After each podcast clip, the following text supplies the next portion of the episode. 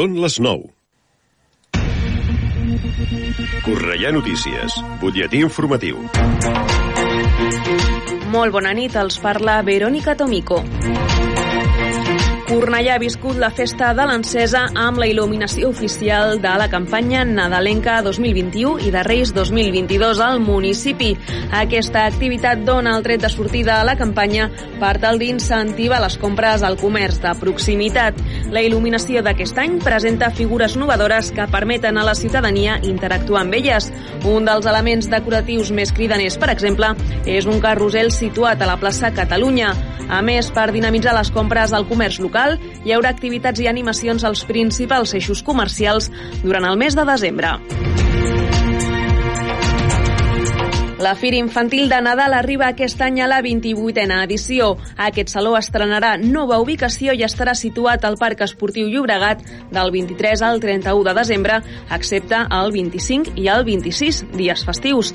Els infants de 2 a 12 anys i les seves famílies podran gaudir amb múltiples activitats com tallers, inflables, atraccions, espai de ludoteca o paradetes nadalenques, entre d'altres. L'Ajuntament de Cornellà ofereix una subvenció per al sector de la restauració que en el 2021 hagi comprat una motocicleta o una bicicleta elèctrica per fer comandes a domicili. Els ajuts són de fins al 80% del cost total dels vehicles, amb un màxim de 1.000 euros. Es donaran per ordre de presentació de sol·licitud i el termini per apuntar-se finalitza el 16 de desembre. I Cornellà ha iniciat una campanya informativa per a identificar genèticament els gossos. Aquesta mesura s'emmarca a l'Ordenança Municipal de Convivència Ciutadana i pretén, per una banda, preservar el benestar animal i, d'altra, millorar la neteja a la via pública. Fins aquí aquest butlletí informatiu. Poden seguir informats de l'actualitat de la nostra ciutat al Cornellà Notícies de la una del migdia, als butlletins horaris i a l'app i la web de Ràdio Cornellà. També trobaran les darreres actualitzacions i notícies al radiocornellà.cat i a les xarxes socials de la ràdio, Twitter, Facebook i Instagram. Ara el temps. Connectem amb l'Agència Estatal de Meteorologia. Bona nit. Demà divendres esperem a Catalunya una jornada amb pocs canvis a les temperatures. Les mínimes seran d'un grau negatiu a Girona, de 2 a Lleida, de 6 a Barcelona i de 6 també a Tarragona, mentre que les màximes rondaran els 15 graus a Tarragona, els 14 a Barcelona i els 13 a Girona i a Lleida. Per la resta esperem que segueixin les precipitacions al Pirineu Occidental de neu al matí, amb la cota que pujarà a la tarda fins a superar els 2.000 metres. A la resta de la meitat nord tindrem intervals ennuvolats i a la meitat sud predominaran els cels poc nuvolats. Per últim, el vent serà fort o molt fort del nord i del nord-oest, al Pirineu, a l'Empordà i al sud de Tarragona al matí, amb ratxes que podran superar els 80 o 90 km per hora, inclús el 100 al Pirineu, amb mala mar al litoral nord al matí, mentre que la resta serà vent de l'oest de fluix a moderat. Ja de cara a la nit quedarà en general ben fluix. És una informació de l'Agència Estatal de Meteorologia. L'informació de Cornellà. Més a prop, impossible.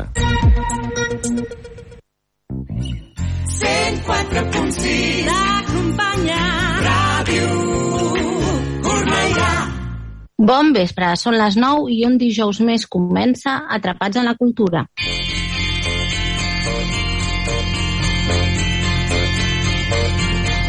They say we're young and we don't know Won't find out until we grow Per en Bill Murray, tots els dies era la mateixa cançoneta. Estava atrapat en el temps. Per nosaltres, tots els dies també són iguals. En Bill el salvava l'Andy McDowell. I a nosaltres, qui ens salvarà? La cultura, els llibres, el cinema, les sèries, l'art, l'oci, la gastronomia. Feu-nos cas i sentiu-vos atrapats amb la cultura. Amb la Cristina Guarro i el seu equip I guess that's so we don't have a plot But at least I'm sure of all the things we got Una setmana més tornem aquí a l'Atrapats en la Cultura amb molta, molta teca cultural. Això sí, avui és 2 de desembre, primer dia en què si s'encenen els llums de, de la nostra ciutat de Cornellà. L'estrena oficial, diguem-ne, que ha estat aquesta tarda, fa res.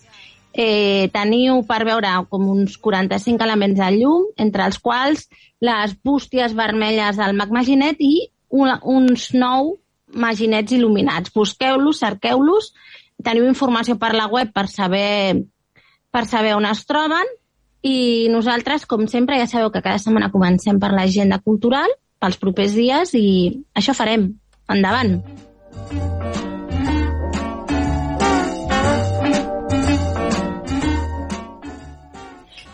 Va de contes, menú de contes però menuts, en llengua de signes, amb motiu del Dia Internacional de les Persones amb Discapacitat, per preparar aquesta deliciosa sessió necessitarem una narradora, uns quants contes de bona qualitat i sobretot unes orelles fresquetes i uns quants ulls ben desperts. Contes que parlen de cuina, d'ingredients, de receptes, d'estris, contes acumulatius i amb fórmules repetides, molt adequats pels petits paladars. Per la posada en escena, la narradora es va vestint de cuinera i va bucant els contes narrats dins una olla. Els contes de la sessió són una sopa de piedra, versió d'Anaïs Baugeladé, patates i tomàquets de Joyce Dunbar, Ai de Victoria Pérez Escrivà, l'Ernest de Didier Levy i la pulga aventurera de José Antonio Zambrano, eh, la contista, la Marta Escudero i l'Eva Llombard. Famílies amb infants a partir de 4 anys, això serà el 3 de desembre a la Biblioteca Central de Cornellà de 6 a 7 de la tarda.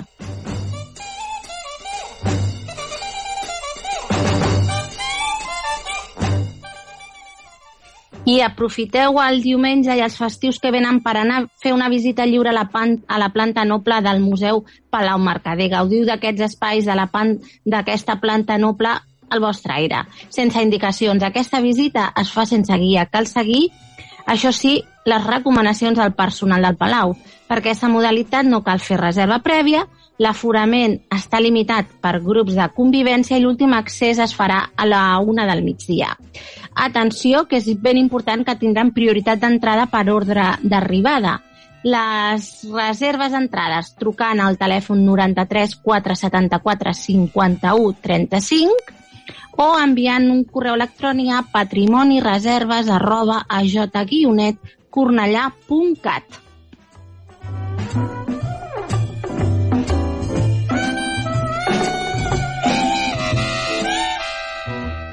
i repassem per últim, per acabar, dues exposicions a les quals els queden ben poquets dies. La primera, exposició cetàcia, exposició de fotografies de cetacis a les nostres costes i explicació de les activitats de l'associació cetàcia per conèixer aquests animals.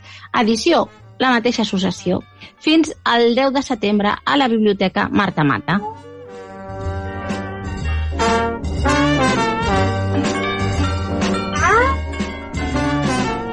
L'exposició Proclamació de la Segona República a Cornellà. Què va passar el 14 d'abril de 1931 a Cornellà? Com era aquell ajuntament que va proclamar la república? Un petit mòdul expositiu ens ho il·lustra amb els escassos testimonis que se'n conserven. D'aquesta manera, el Museu Palau Mercader s'afegeix a la mostra Visca la República dispersa per 25 museus de la demarcació de Barcelona que a través de documents i objectes testimonia el període de la Segona República que s'inicia amb la seva proclamació el 14 d'abril de 1931. Es tracta d'una iniciativa impulsada i produïda per la Diputació fins al 12 de desembre al Museu Palau Mercader. I fins aquí la nostra agenda cultural. Continuem amb l'Atrapats amb la Cultura. Queda't atrapat amb la cultura. and I'm feeling good.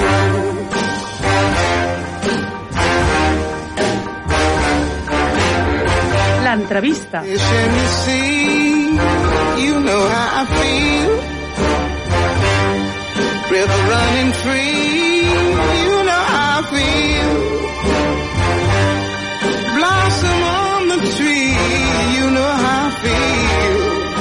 It's a new dawn, it's a new day, it's a new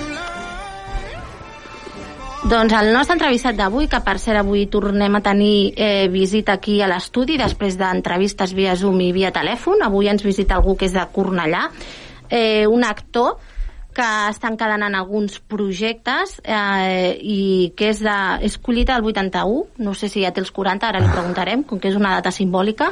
Eh, bona nit, Ignasi, Ignasi Guasc. Bona nit. Què Els tal, 40 Cristina? ja Els 40 ja els Els tinc, sí. És data simbòlica, no sé si...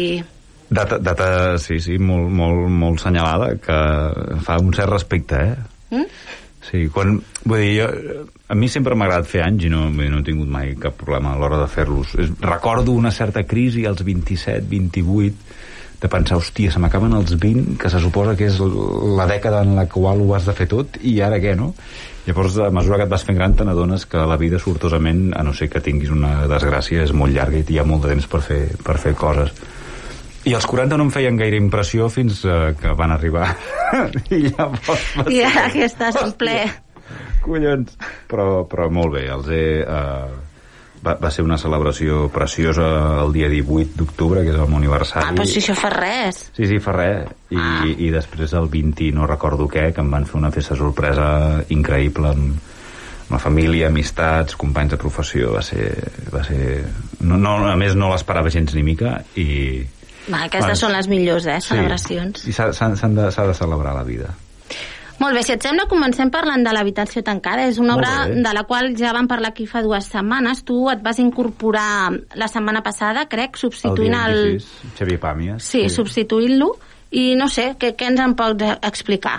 És un, és un, uh, la Loredana Volpe, la, la dramaturga i directora de l'obra, és, és una noia molt aficionada al gènere fantàstic, uh, també molt aficionada a l'anime, especialment el vinculat amb, amb el gènere fantàstic, també amb el terror i el misteri, i ella tenia el neguit de poder fer alguna cosa en teatre basant-se en, en tots aquests uh, uh, elements uh, que, que a ella doncs, uh, li agraden. Aleshores, d'alguna manera que desconec, uh, van a patar uh, a tres contes d'autors relacionats amb, amb Lovecraft, aquell autor uh, britànic uh, que en el seu moment no va ser gaire reconegut Sí, però, que però és un autor de culte. ara és un autor de culte no?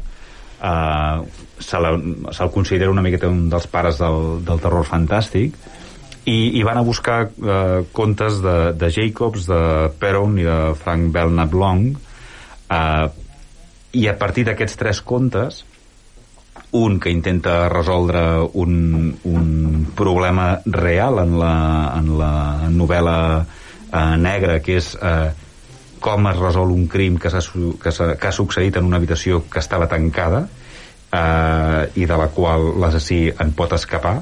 Eh, es fa referència en aquest conte...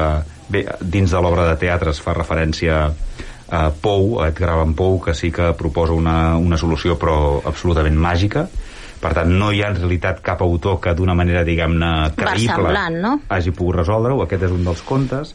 Després n'hi ha un altre, que és el de la pota de mico. Eh, És un element màgic que pot concedir eh, tres, tres desitjos. I un tercer conte, eh, que és, bueno, és, és un conte que en relaciona molt amb la física quàntica i amb, i amb el...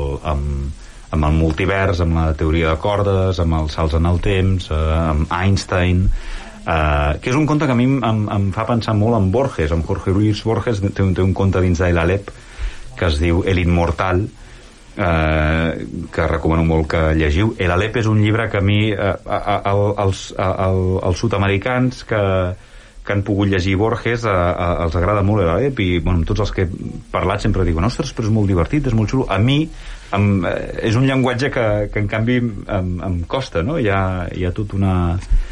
Bueno, és un, Borges era un, era un senyor molt intel·ligent i, i, i m'agrada, però em demana molt d'esforç a l'hora de llegir-ho. Però té aquest conte de l'immortal, que és una persona doncs, que bé, que a, a, a mesura que va passant el conte et vas adonant que ha viscut moltíssimes vides i que segurament només les ha pogut eh, viure gràcies a fer salts en el temps. I el conte que la Loredana ha aprofitat per, per dramatitzar aquí a, a l'habitació tancada té a veure amb això, amb els salts, amb els salts temporals. Llavors, aquests tres, aquests tres contes es van explicant al llarg de, de la història. Eh, són tres contes eh, separats. Eh? La gent tot d'una hi troba relació perquè és evident que hi ha elements que, que hi connecten, connectes, sí, però sí. cada història, diguem-ne, que és una història independent l'una l'una de l'altra. I jo els de la Salamandra els vaig conèixer aquí a Cornellà eh, i, i amb ella abans l'havia coneguda a l'acadèmia amb una obra que va fer de Sartre que es deia Nou èxit que em va, em va encantar, em va agradar moltíssim. Uh, i, i llavors uh, tenia el neguit de, bueno, la, de, de poder treballar un dia amb ells. I en Xavier Pàmies, eh, amic, eh, em va comentar que hi havia uns dies que ell no podia fer funció perquè marxava de gira amb una altra obra de teatre i em va proposar de poder-lo substituir i allà, allà hi som. I sereu fins aquest diumenge, no? Que això fins és aquest dia... diumenge sí, de fet ens queden eh, 3, 4, 5, 6, 4 funcions. 4 funcions per fer eh, que vam diumenge dia 5 o, o no, tre, a veure 3, 4 i 5, 3 funcions 3 funcions ens queden per fer però vaja, podeu venir, eh? Que no. Sí, sí, no, sí, encara, encara, encara temps. Encara Tenen, hi ha temps per, per anar-hi. Escolta, i com a actor, eh, què tal és passar d'una història a una altra dins d'una representació? Clar, jo en, en aquest... Bé, mm, aquí eh, cada intèrpret, si no vaig errat, participa eh, de dues històries únicament. Hmm. Llavors mm, no, hi ha, no hi ha tanta dificultat eh, perquè sempre tens un cert espai de marge per passar d'una a l'altra, són, són, són històries que, cadu- que cadascuna té el seu fil, fil argumental i llavors en tot cas la, la base perquè, perquè allò surti bé és tenir el personatge molt ben definit. Llavors en, en una història eh, eh, en la història de la pota de Mico el meu personatge és eh, el germà no, no, té, no té nom eh, i, és un, i és un noi eh, amb un cert punt tímid eh, segurament una mica més jove que jo um, he dit una mica més jove que jo perquè he fet 40 anys però sabem que encara som Que, joves que, que, sí, exacte, som Mafalda joves, sí, deia, la Mafalda deia que la vida, la, la vida empieza a los 40 és veritat que fins on sabem ella ni va arribar mai als 40 sí. No, no, sí, i no crec que tingui continuació, no sé si algú no. la farà els, els 40. però llavors bueno, aquest personatge és, és, és molt... I llavors vas buscant quins són aquells elements eh, eh, quins són aquells elements que, que, que el defineixen millor per tal de no empaltar-lo eh, l'un de l'altre. Eh, per això és, és molt necessària eh, la figura de, de direcció, però també de dramatúrgia, que els personatges estiguin ben definits per tal que tu tinguis eines per, per agafar-t'hi no? i dir, doncs, eh, el germà és així, clarament així, més enllà de la proposta que jo com a intèrpret faci, i en Samuel, que és el personatge que faig en la història del crim dins de l'habitació tancada, té, un, uh, té una manera de vestir diferent, és, un, és una persona molt més intel·lectual, uh, és, i llavors, bueno, és, és això, anar trobant quines són les, les molles de pa que t'ha anat deixant uh, el dramaturg o la dramaturga uh, per tal de definir aquell personatge, aferrar-t'hi bé i, i assajar-ho. Jo sí que t'he de dir que com a espectadora el que vaig trobar que les transicions estaven ben fetes. Vull dir que, que de seguida saps que hi ha... sí, sí. A vegades he, he vist altres muntatges en què són també diverses històries i estàs un Sí. primer moment com un mitja horeta per situar-te, Sí. perquè no saps ara. Sí, sí, sí. I aquí jo crec que estan... Sí, Jo, jo, crec, sí, jo tinc la sensació que els personatges estan ben definits i això ajuda l'espectador. Després hi ha una cosa també que és la música de l'Àlvar Llussà, que a mi em sembla brillant, que ajuda molt també a acompanyar l'espectador en el canvi. Sí, l'ambient i... ha fet una banda és un, és un músic eh, argentí afincat de fa molts anys aquí de fet crec que mm, té eh, arrels eh, en aquí mm, i eh, i, la, i la, la música que ha fet jo la trobo, eh, la trobo brillant i, i acompanya molt en el, en el canvi d'una. De fet, també el fet que el, els foscos siguin clarobscurs en els quals tu veus que els intèrprets estan fent de tramolles eh, canviant eh, mobiliari o col·locant això aquí ja també et dona peu a pensar anem a una altra història Sí, t'ajuda, eh, dona pistes, no? Sí.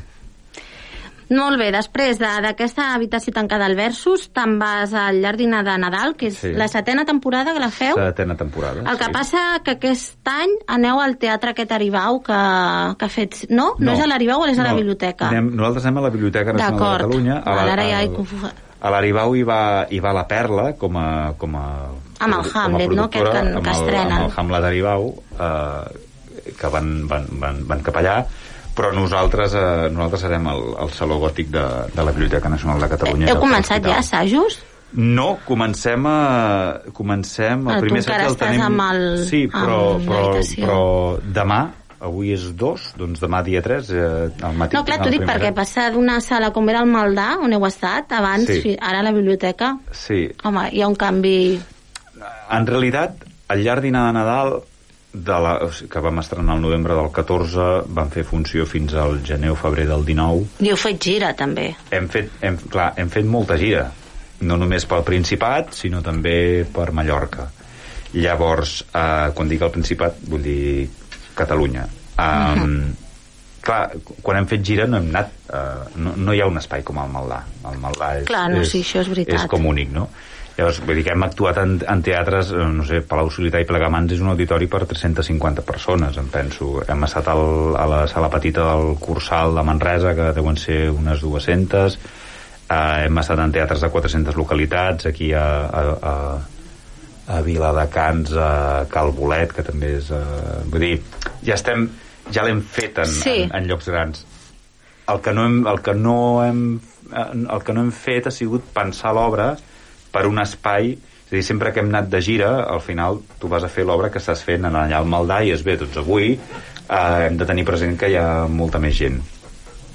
Ara aquí la gran diferència és que la temporada s'ha de pensar per un escenari i una disposició del públic eh, molt diferent per a cada vespre. No? I jo crec que allà potser l'espai, el tema sonor també us ens condicionarà. condicionarà, però insiste, vull dir que... En certa manera, eh? No, no, no, ens, ens condicionarà, però vull dir que ja, ja hem passat per, per escenaris grans eh, i, de fet, molt més grans que, que la biblioteca. El que passa és que la biblioteca, aprofitant l'espai que és, no? un, un saló gòtic, eh, direccions ha plantejat de, de, evidentment ho havíem de tornar a assajar perquè fa, clar, ja És que farà ara feia ja... qu- Quants, diguem-ne, quantes festes que no la fèieu? Com a mínim un parell d'anys, no?, de temporada. Sí, vam, vam acabar gener-febrer del 19, Veus. per tant, el Nadal del 19 no la vam fer, el Nadal del 20 tampoc, són, han sigut dos anys.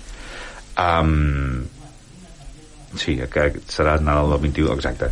Llavors, um, uh, direccions ha plantejat, uh, ja que ho hem de tornar a assajar, perquè fa molt que no l'assagem, mirem de canviar eh, algunes qüestions escèniques per aprofitar més l'espai. El Maldà tenia unes condicions que, que ens obligaven a fer-la d'una determinada manera, aquí podem explorar- explorar-ne d'altres.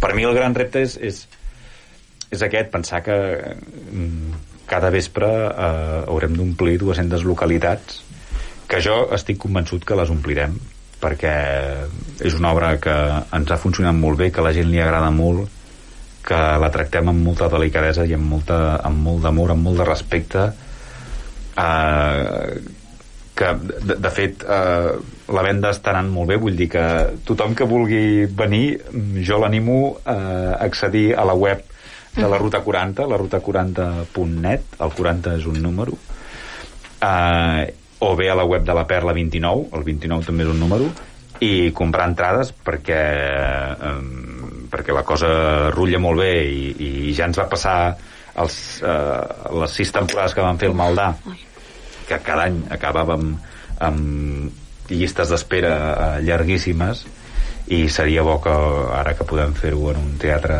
amb més localitats ningú es quedés fora I com és un personatge que t'acompanya durant tants anys? Doncs eh, li tinc Clar, que passa que ara l'has tingut una mica en stand-by. Sí, Però- eh, no, jo li tinc, li tinc molta estima en Charles Bayard. No, no, no tanta el seu outfit, per entendre'ns, perquè és una època que em toca anar amb bigoti cada dia i enclanxinat. I és una cosa que no, no m'acaba Però te'l deixes natural, el bigoti, entenc o no? sí, sí, sí, clar, sí, sí, perquè eh, és absurd. A, a no ser que, vull dir, si fos farsa, no?, doncs eh, sí que pots però, però sent una obra realista eh, més enllà que el tractament que fem dramatúrgic del temps no ho sigui, perquè expliquem 90 anys en, en una hora eh, seria una mica estrany no? de veure un, un postís però, però més enllà d'això eh, jo li tinc molta estima i a més eh, defenso molt en Charles que és, és fill d'un- d'una època i d'una família també és un personatge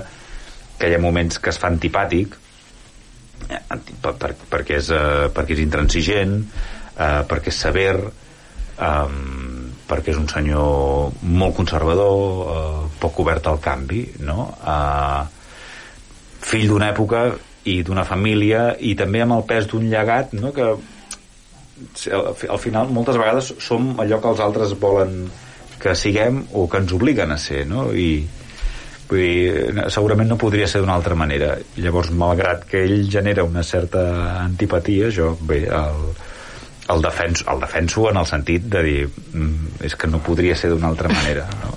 Fins a quin dia hi sereu?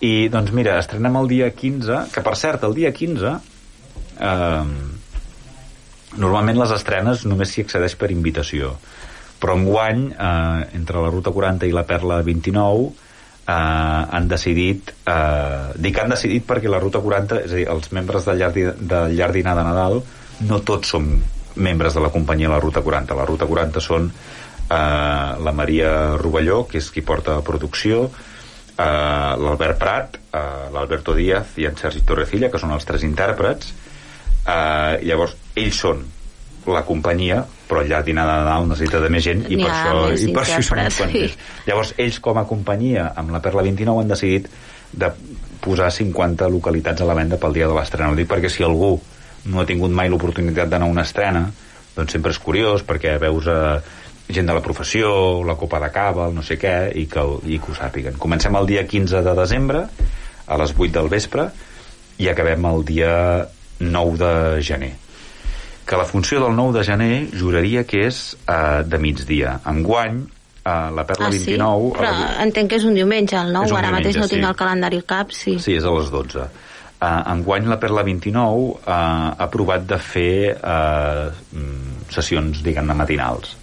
Llavors nosaltres, excepte el divendres, excepte el diumenge 26 de desembre, Sant Esteve, que aquell dia la funció serà a les 7 de la tarda, Mhm. la resta de diumenges seran a les 12. Llavors és fantàstic per anar al teatre, Uh, surts a la una, pots fer un vermut a la boqueria perquè estarem allà al costat de la boqueria quedar-te a dinar per Barcelona o el que sigui i després tornar cap a Cornellà vull dir que no hi ha No, no, això no, no hi ha cap impediment. I després, per últim, tens Cordèlia Mallorca, que això Sí. també crec que és una, una represa. Una represa, bé, una, un, O- una, o com una a mínim ja ho havies fet. És a dir, això, ho vam, això jo amb, amb la Fornal, eh, que és una productora de Manacor, hi vaig treballar l'any 2011, el eh, 2011 i 2012, amb una obra de teatre que es diu Algú que miri per mi, que també va ser va ser una miqueta el meu llarg dinar de Nadal mallorquí. O sigui, amb el llarg dinar de Nadal hem estat... Eh, aqu- aquesta serà la setena temporada, hem fet eh, cent i pico funcions, eh, vam guanyar el Premi Butaca, vam ser finalistes al Premi BBVA de teatre, eh, vam omplir pràcticament cada funció que vam fer eh, al Maldà o en Gira, eh, bones crítiques, amb, amb algú que miri per mi van guanyar tres premis escènica que són els premis eren perquè ja no existeixen malauradament els premis d'arts escèniques de, de Balears eh, i, i va ser també un, un gran boom a, a les illes una obra que, que estimo moltíssim i un personatge aquest sí que sense fissures estimo molt el de Michael Waters. Llavors eh, 10 anys després eh, producció de la Fornal pensa en mi per un personatge d'aquesta obra que es diu Cordèlia Uh, vaig baixar a finals d'agost a, a Mallorca i vam estrenar al setembre uh, primer a Manacor, a la Fornal que és la pròpia sala que té la productora i després al Teatre Principal de Palma. I ara hi baixaré el 24 de gener Mhm. uh, per dues coses. Primer uh, perquè l'hem de gravar en castellà per fer el vídeo en castellà per tal d'anar a comunitats cas- castellanoparlants Mhm. ja tenim dos bolos tancats a Saragossa pel desembre del 22 Carai, Llavors, eh, quina... no, no, sí, sí, no, és, és, una, és una productora que treballa molt bé, la Fornal, en Joan Gomila al seu capdavant, amb la Joana eh, de, mà, de mà dreta, eh, treballen molt, molt bé. I, I després, a més a més, aprofitem per començar la gira a Mallorca, i de fet eh, hi ha dos bolos ja tancats eh, per, per aquests eh, dies que seré allà. Perfecte. És una obra que tenim moltes ganes de venir a fer aquí. Hem estat parlant eh, informalment però hem estat parlant amb, amb, amb la Sala Beckett, hem estat parlant també amb el Tantarantan, amb el Maldà. Uh -huh. Eh, és una obra que explica... Eh, bueno, situa tres generacions dins del món de, la, de les arts escèniques una noia jove eh, que fa poc que s'ha graduat que s'ha format fora i que arriba amb un projecte que té moltes ganes de fer un director d'un teatre, un director artístic per tant, eh? no un director d'obres de teatre, sinó un director artístic d'un teatre que havia sigut eh, professor de teatre d'aquesta noia i que rep la proposta, eh, la rep al seu despatx després de molts anys de no veure's i que li diu, escolta, tinc aquesta proposta Mhm. i he pensat que tu em podries ajudar i un director de teatre ja gran que està, diguem-ne, de tornada de tot i que té el seu últim projecte i que també va patar en aquest eh, jove director artístic per dir-li, escolti'm, vull fer això. Llavors aquests tres personatges coincideixen en temps i espai i això ens serveix, li serveix a l'autor, que és en Joan Gomila, el productor, a més a més, de l'obra, i a més a més eh, el que fa de personatge També més gran, intèrpret.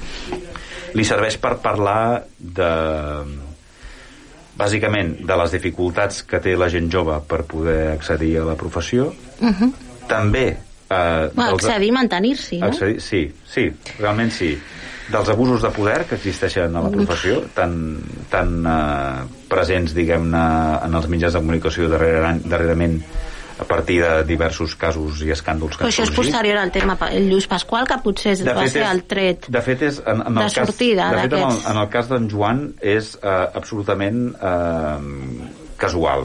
És a dir, eh, és més, ell en un moment determinat varia una miqueta eh, l'argument de, de l'obra perquè no vol tot d'una que, que es pensi que això ha sigut no, un, aprofitant la minentesa. Um, en tot cas, els abusos uh, en el sector són Vox Populi, mm, jo diria, mm, de tota la vida, més enllà que, hagi, que ara hagin sortit. Um, llavors, uh, per tant, uh, les dificultats per accedir i mantenir-se, uh, els abusos de, de poder, més enllà de, de, de la qüestió sexual, eh? perquè al final sempre hi ha un abús de poder darrere, no? I jo Sí, tinc sí, el sí, poder clar, i a sí, partir sí. d'això puc No, fer no, i que l'abús sexual, diguem-ne, és l'últim grau, però és que prèviament és un abús de poder. Ve de- ve d'aquí. I després el compromís no, de, de l'art, en aquest cas de l'art escènic, amb, amb, la, amb la gent, no? Vull dir, per què, per què et dediques a, a, al teatre? Mm, Com a, diguem-ne, aparador teu eh, per, per una qüestió purament de vanitat o amb un desig transformador?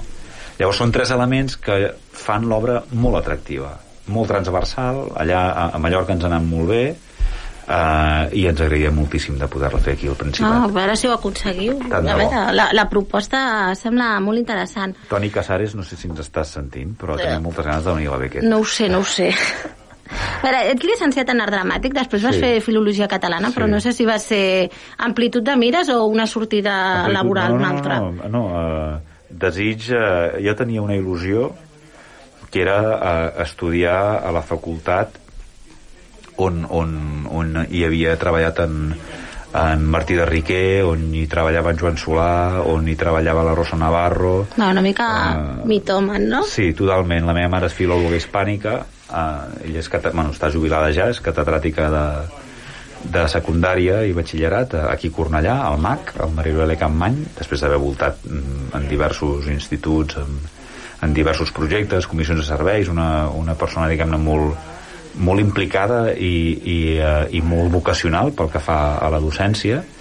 I, i jo recordava a mi sempre m'havia agradat sobretot ara és un, és un hàbit que he perdut malauradament però d'adolescent i de petit també i jo diria que fins als 20 i pocs em va agradar molt llegir i escriure, moltíssim i de fet escrivia bastant, vaig escriure bastant de poesia també, vaig guanyar algun premi a Barcelona i, i jo recordava les, les converses, no? bueno, les, les històries que m'explicava la meva mare de la facultat de, d'en Solà, de, de, sobretot ella com que feia hispàniques de la Rosa Navarro i el Martí de Riquera quan els És veia que la Rosa Navarro vaig sentir una entrevista, l'han entrevistat aquesta setmana al Cuní.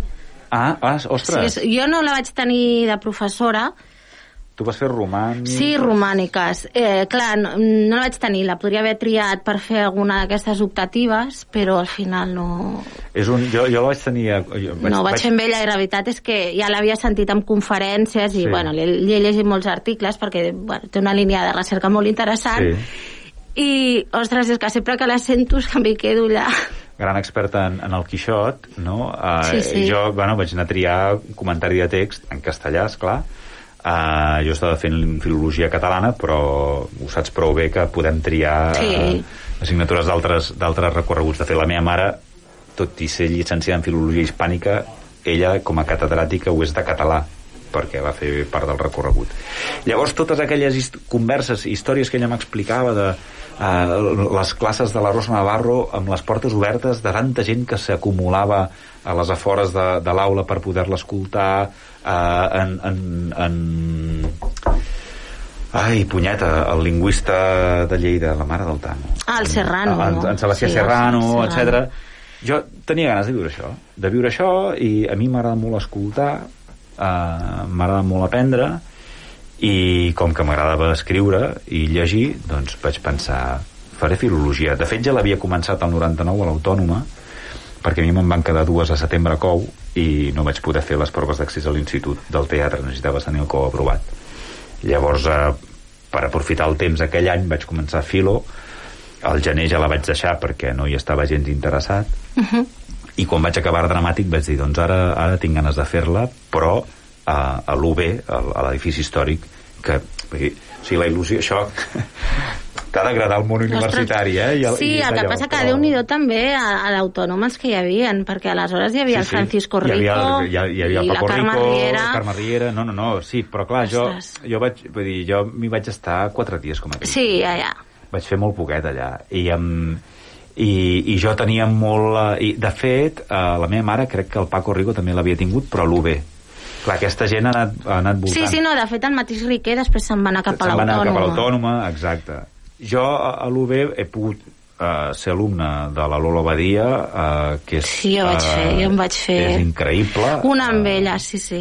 No? I se- sembla mentida com algú com Llull, que és tan complex, que és un personatge fascinant, Ramon sí. Llull. Jo, Polièdric, jo, eh? Sí, jo espero, jo fa molts anys que espero, i si no ja buscaré pasta per fer-la jo, una pel·lícula eh, sobre Ramon Llull, una pel·lícula sobre Ignasi de Loyola també, són personatges tot d'una amb una complexitat eh, intel·lectual eh, i, i, i vivencial, eh, diguem-ne, espiritual, tan gran eh, tan, i, i, i que, ha, que ha contribuït tant, o sigui, Ramon Llull era un senyor eh, amb quartos eh, de Mallorca que se'n va anar a fer una conferència a la Sorbona. És que al segle XIII, vull dir, o sigui, això, eh, això és inaudit. No? Vull Bé, a part que és el primer erudit que escriu textos, producció científica en llengua vulgar. en llengua- I ho fa en català. I ho fa en català. Que des d'aquí, o sigui, sisplau, Exacte. que el català no ens l'acabem d'inventar. Exacte, sí, és, sí aquest és, aquesta és una lluita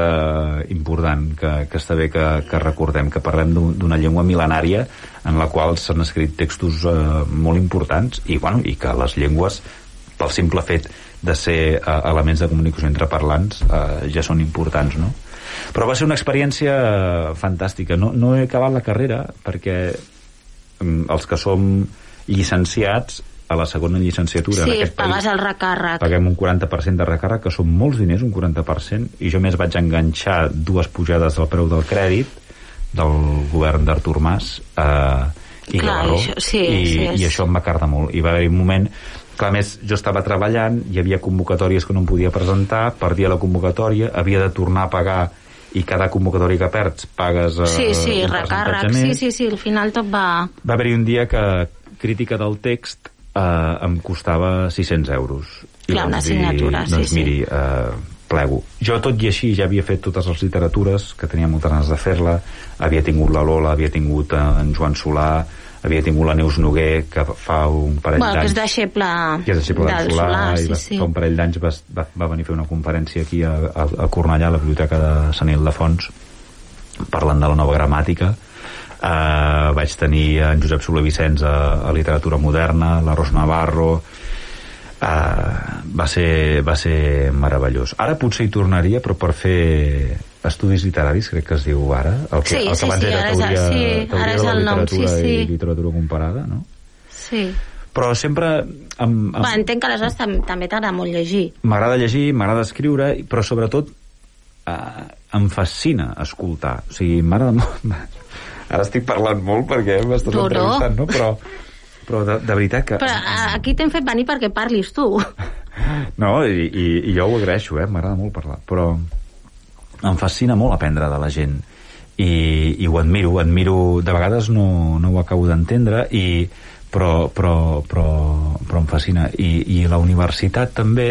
Bueno, la, la universitat uh, tinc la sensació que cada vegada és més uh, com dir-ho uh, cada vegada està més burocratitzada en el sentit que Sí, i utilitarista. Sí, també. i, i no pots desviar-te gaire. Però jo encara vaig enganxar eh, algun eh, professor, i algun professor, la Glòria, no recordo què més, eh, a literatura catalana contemporània del 39 al...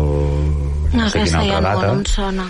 que jo recordo fer-li... Eh, eh, havíem, eh, llegíem Laura a la ciutat dels Sants, si no recordo malament, i jo vaig comparar, per qui no l'hagi llegida, la ciutat dels Sants és Vic, uh, Laura fa un viatge de Barcelona a Vic perquè s'ha casat amb un senyor d'allà i li diuen doncs te n'has d'anar allà a viure. I clar, surt a Barcelona la, la modernitat, el no sé què i se'n va a Vic.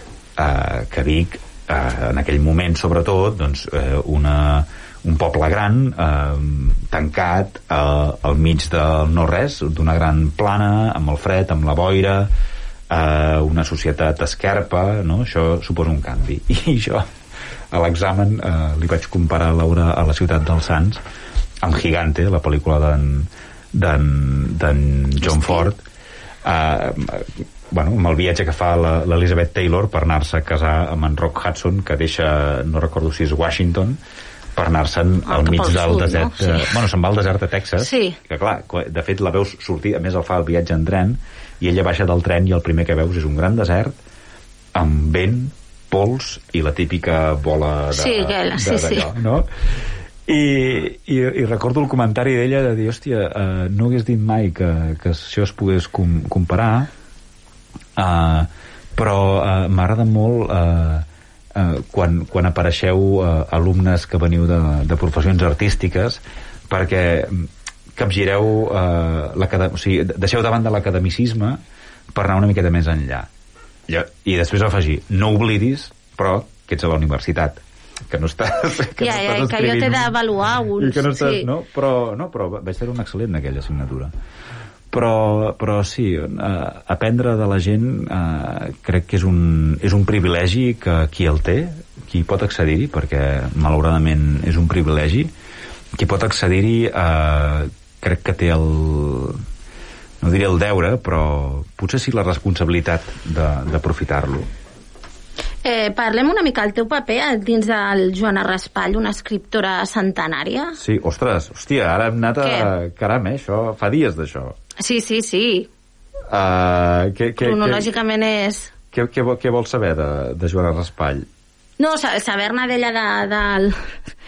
D'ella no, no gaire més, o sigui, coses de la vida. Fa, fa poc vaig conèixer una de les seves netes. Ah, a, a través d'una coneguda que tinc Sí. i em va dir, ah, és que ella és la neta de Joana Raspall. I dic, què dius? Però si té un diccionari Ostres. magnífic de... Sí, sí, sí, sí, sí, és veritat. I sí, sí, sí, però justament no sé que estàvem parlant de llengua i no sé Sí. què, i em va dir, ah, mira, és que ella... I dic, ah, i em va dir, ah, però saps qui és? Dic, sí, sí. Això va ser, això va ser un encàrrec de... Perdona, perquè abans és que estava... Amb això soc, soc terrible i necessitava corroborar-ho. La, la pel·lícula és d'en George Stevens, no d'en Ah, de no, no, no John? Ford. Uh, he pensat... Uh, bueno, he fet un, una barreja de noms, que ara no ve el cas. Uh, això de, de Joana Raspall va ser un encàrrec que, que em, em va fer uh, l'Ajuntament de Sant Feliu de Llobregat a través de Quanum. Quanum és una, és una empresa eh, que porta... Bueno, és una empresa que es dedica a activitats eh, socioculturals, sobretot de caire històric. Eh, ells treballen en diversos jaciments, eh, són especialistes en, en època romana, els dos són catedràtics... Jo crec que aquí hem fet alguna ruta Aquí, per sí, sí, aquí hem fet coses, eh, els dos són catedràtics eh, d'història, vull dir, és, és gent molt preparada, eh? I, però tenen aquesta, aquest delit per fer per acostar, diguem-ne, la història a través de, de l'activitat sociocultural.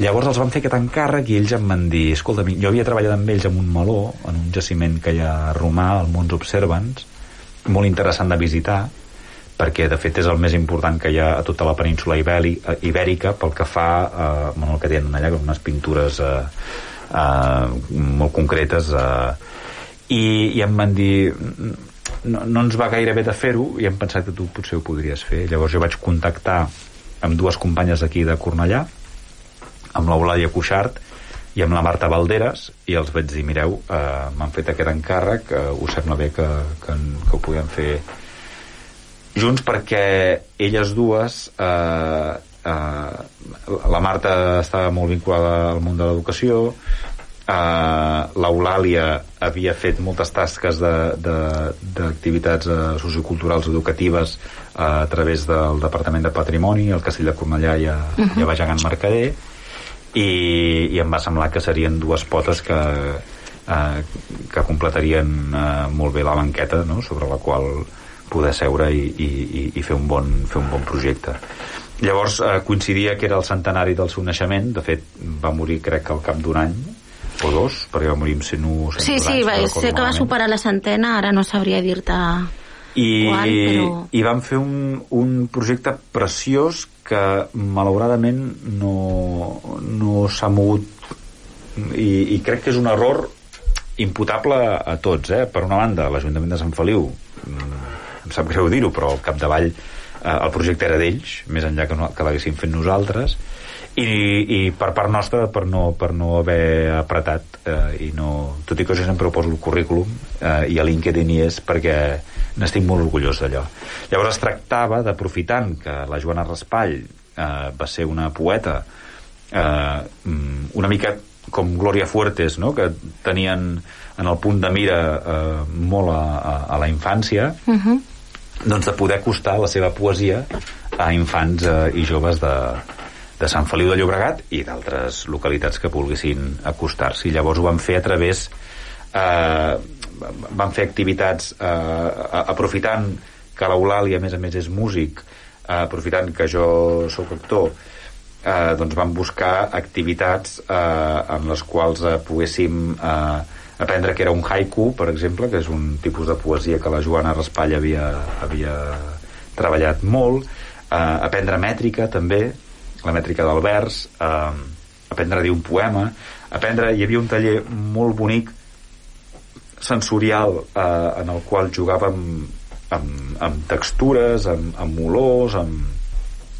i llavors a partir d'aquí demanàvem als infants que pensessin paraules que, que els suggerissin eh, aquelles, aquelles situacions no? i dèiem, doncs, això és poesia no? posar nom Mhm. a, a les emocions que ens desperten les coses eh, algun taller també de, de lírica no? de, de, de dir el text va ser eh, i, bueno, uns plafons que van, va, va ser eh, va ser, va ser preciós i això va estar actiu durant no recordo si un any o crec que va ser un any o, o, o dos trimestres, no recordo bé a, a Can Llobera a, a Sant Feliu i a, i a la biblioteca de dalt de, de, de Mas Lluí també i, i per mi va ser perquè jo coneixia poc Joana Raspall i m'hi vaig endinsar molt i, i va ser una, una, una gran descoberta de dir, ostres tu, qui, quina poeta més brillant que... De fet,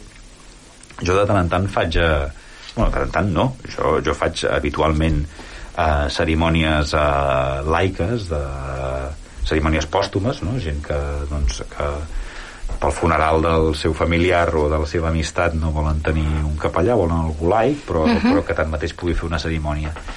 I d'un temps ençà... Eh, La fa- incorpores. faig servir tres poemes de, de Joana Raspall eh, bastant sovint, sí. I, i bueno, i va ser això. I, i però és, jo, el material de- del- de- d'això, de, de, de Joana Raspall, una escriptora centenària, existeix i el tenim. Vull dir que si tot d'una... l'Ajuntament de Cornellà tingués ganes de muntar una exposició interactiva adreçada a escoles al Castell de Cornellà mm, Tu ja, ja la veus al castell, no? jo, Com la, jo, la, jo sí? la veig Perfecte. superbé al castell, a Can Mercader, a, a biblioteques, la veig a tot arreu. És que és molt, és que és molt bonica, perquè la poesia, o sigui, els, al final, els, la literatura sempre ens la tenim entesa, la, la veiem com una cosa molt elevada i, i, i, la, i la venem, de fet, com una cosa molt elevada, no? El clàssic exemple de, de, del Quixot o del Tirant lo Blanc, no, que això... i al final són novel·les d'aventures eh, que, eh, i el que el que passa és que tu has de conduir també, has, has d'explicar, no pots deixar vull dir, aventurar-te tot d'una a llegir eh, lletra cos veu eh, doncs eh, és, eh, és difícil però si tu acompanyes, eduques el lector en, en allò eh, Sí, és que hi ha obres que potser necessiten unes claus. unes claus exacte, Abans de- d'entrar-hi. sí. i amb la poesia en general succeeix no? que, que ho veiem com una cosa com molt elevada amb, amb poc interès, tot i que ara sortosament cada vegada hi ha més eh, gent mm, menor de 30 anys produint poesia en català I fent molts recitals i fent de molts poesia. recitals i això, ens, eh, això li està donant molta visibilitat llavors eh, clar, nosaltres eh, crec que tot d'una vam aconseguir amb, amb Joana Raspall una escriptura centenària que la canalla veiés que la poesia estava en, en, en les activitats quotidianes que feien cada dia no? en, en veure un color eh, en veure sortir el sol en sentir una cançó en, llavors bueno, teníem una sèrie de, de paraules també que els deixàvem per triar i a veure, i aquest so i això que, que, us, que us provoca, que us emociona acompanyant-ho sempre doncs, amb una atmosfera propícia també no? perquè parlàvem de la inspiració, què és la inspiració i com arriba i com s'ha de treballar perquè la inspiració, no? avui eh, tothom està parlant de la sèrie jo encara no l'he vist, crec que és a Netflix la sèrie documental sobre els Beatles. Doncs mira, no sé, ets la primera persona que me la menciones, crec. Hi ha una sèrie documental sobre els Beatles molt interessant i el, crec que és el segon capítol es veu Paul McCartney eh, creant Get Back. I és brutal perquè eh, o sigui, ell o sigui, estan a l'estudi hi ha, hi, ha, hi ha en McCartney, hi ha en Ringo i hi ha en George Harrison. I hi ha tot de gent parlant, traginant, movent tirant cables, no sé què. O sigui, és un moment de, de feina. I segurament Concentració màxima. segurament hi ha algú que està dient nanos, m'heu de fer una cançó ja. I tu el veus ell que està tocant, provant, provant, provant, provant i a partir del segon 45 de tocar i to 45 segons, eh? però està tocant amb el baix, bueno, al, al revés perquè ell era esquerrà eh, va tocant i va provant, va cantant i tot d'una li surt la tornada. I allò és flipant allà no hi ha im- si la inspiració et ve perquè tu es, estàs concentrat en aquella feina, no? Llavors, aquestes coses també les explicàvem, no? De dir, doncs, bé, la inspiració no és una cosa que et ve pot, pot passar. Les muses, no? De Com ens han venut sempre. jo, jo quan jo escrivia poesia jo sempre explico a mi, jo un dia em vaig despertar del llit i vaig dir amor, somni de letargia i això va ser uh, el primer vers d'un poema meu i em, i, em va, i em va caure del cel això tota la resta, clar, ho has de, no? ho has de treballar Llavors, bueno, crec que era un, que, crec que era un, una, una exposició itinerant i, i uh, interactiva molt interessant per treballar amb la canalla que estaria bé de tornar a fer Parlant de música, tu tens una banda, o no sé... jo havia, jo havia tingut Havies. jo havia tingut uh, sí, uh, segueixo tocant segueixo uh, component de fet ara ara la setmana passada estava gravant a casa d'un amic uh, perquè tinc intenció de, de poder fer una maqueta i, i, i, i moure'la perquè tinc molt de mono de tornar a tocar. I tinc algunes peces noves algunes cançons noves i d'altres al calaix que no havia pogut fer. Però sí, jo el, el primer toc de corn eh, jo estava aleshores a l'associació eh, eh, quan vam engegar eh, i, eh, i la Montse Torres un dia em va dir escolta Ignasi, per què no penses una... Montse Torres d'aquí a Cornellà em va dir per què no penses alguna obra de teatre per fer per canalla? Li vaig dir, no Montse, teatre per canalla n'estic cansat de fer teatre per canalla. Eh, muntaré un concert per canalla. I, i llavors vaig anar a trobar uns col·legues que tenien un grup de heavy i els vaig dir mireu, eh, m'han proposat això voleu eh, apuntar-vos-hi? I llavors em van dir sí endavant uh, i la Montse Torres em va preguntar bueno, i com, i com es diu el grup? I li vaig dir literalment mira Montse no ho sé, però toqui qui toqui ho farem. I d'aquí... i d'aquí va sortir Toqui qui toqui. I llavors eh, van fer aquell bolo i llavors va, va anar molt bé i, vam I en van començar- venir més, no? van venir uns quants, vam treure un disc un viatge al voltant del sol que podeu trobar a Spotify, Apple Music, a Amazon Music a YouTube.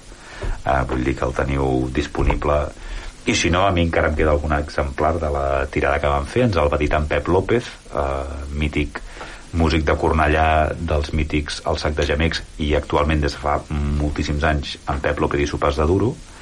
Eh, ens el va dir d'ell, ell també participa al, al disc eh, amb el seu banjo, vam tenir músics eh, brillants, va venir eh, el Xuri eh, amb, les, amb, amb percussió, el Cito Carrizo, saxofonista de Moyayo Riff, també va venir a fer unes línies de saxo, eh, la Patricia Medina, amiga i actriu d'aquí de Cornellà, va venir a cantar també unes línies, en Daniel Ventosa, que ara el podeu veure al Teatre Gaudí fent eh, Segismundo, eh, que és un text seu, eh, va venir a tocar el piano, bueno, va, va, va ser, va, vam tenir fins a... Va, una 12 bona, una colla, no? Una bona colla. 12 o 15 col·laboracions en aquell disc i el 2013 o 14 no recordo allò va, va, va acabar morint també bueno, tens altres inquietuds altres eh, necessitats i, i les vam seguir. I allò, i allò va desaparèixer. Mm. va ser, bueno, sap greu sempre no, que, que, que un projecte s'acaba sobretot quan t'ha donat moltes alegries. Però bé, també em va permetre en, en el meu cas centrar-me més en el teatre i en la tele eh, amb ells fer també coses que tenien ganes de fer i a mi començar a pensar en un altre tipus de música que tenia ganes de fer que és en la que estic treballant actualment i que, i que espero poder-vos ensenyar Ah, ben aviat. Ignasi, el, te el tècnic ens avisa, el Marc, que, que ja hem d'anar... Ah, fa- fabulós. O sigui, hem, Sí, hem d'anar tancant, va, va, o sigui, ja- sí, sí, és que al final Ja. més que una entrevista sembla una xerrada, una conversa. Ja Eh, ja m'agrada. Queda pendent parlar de la teva vessant o faceta, com vulguis dir, de, de gestor cultural. Sí, Deixem perquè- per més endavant. D'acord, però en tot cas estigueu alerta perquè Factoria sí, aviat eh, farem un anunci de molt d'interès i molta utilitat per Cornellà i pels professionals de les arts escèniques del país. Molt bé. I el que sí que et demano, a veure, digue'ns alguna cançó i ja tancarem l'entrevista amb aquesta cançó que tu tris. Així De- a... D'acord, doncs eh, bé, eh, mira, anava a dir eh, Eric Clapton perquè soc... No, sí, mira, farem eh, eh, Black Magic Woman però interpretada per Eric Clapton. Dic això perquè sempre està bé, com que a mi m'agrada aprendre, doncs us explico, la majoria de gent creu que Black Magic Woman és una cançó de Carlos Santana i no és una cançó de Carlos Santana és una cançó de, de, dels Fleetwood Mac d'en Peter Green eh, fundador dels Fleetwood Mac eh, que després eh, Carlos Santana va interpretar molt. Llavors, eh, l'últim disc d'Eric Clapton que es diu The, The, Lady in the Balcony eh,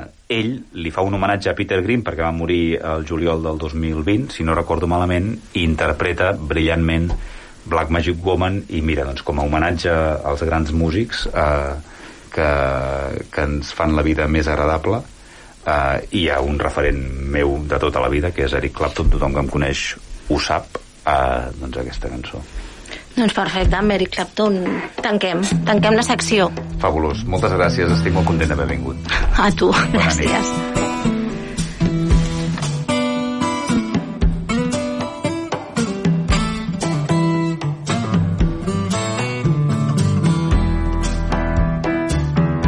This one's for Peter.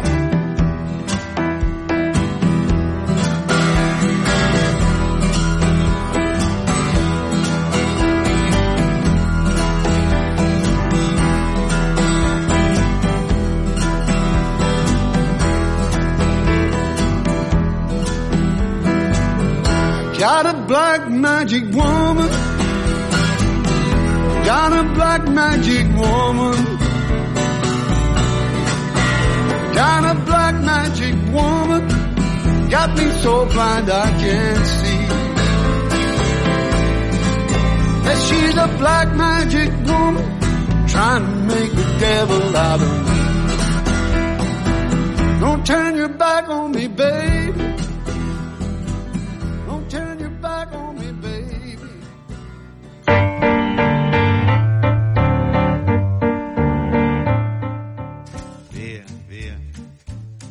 I sona Paula Conte i això significa que a nosaltres ens toca tancar el programa. Bona nit, Marc Fort.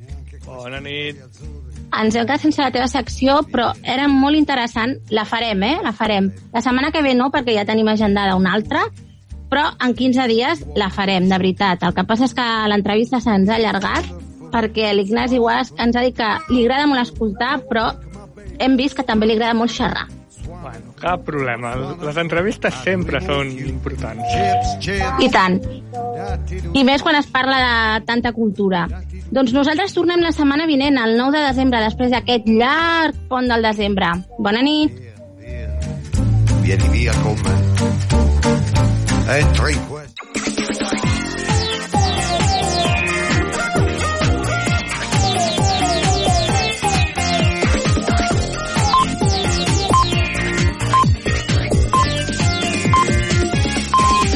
Són les 10.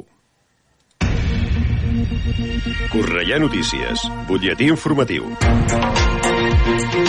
Molt bona nit, els parla Verònica Tomico.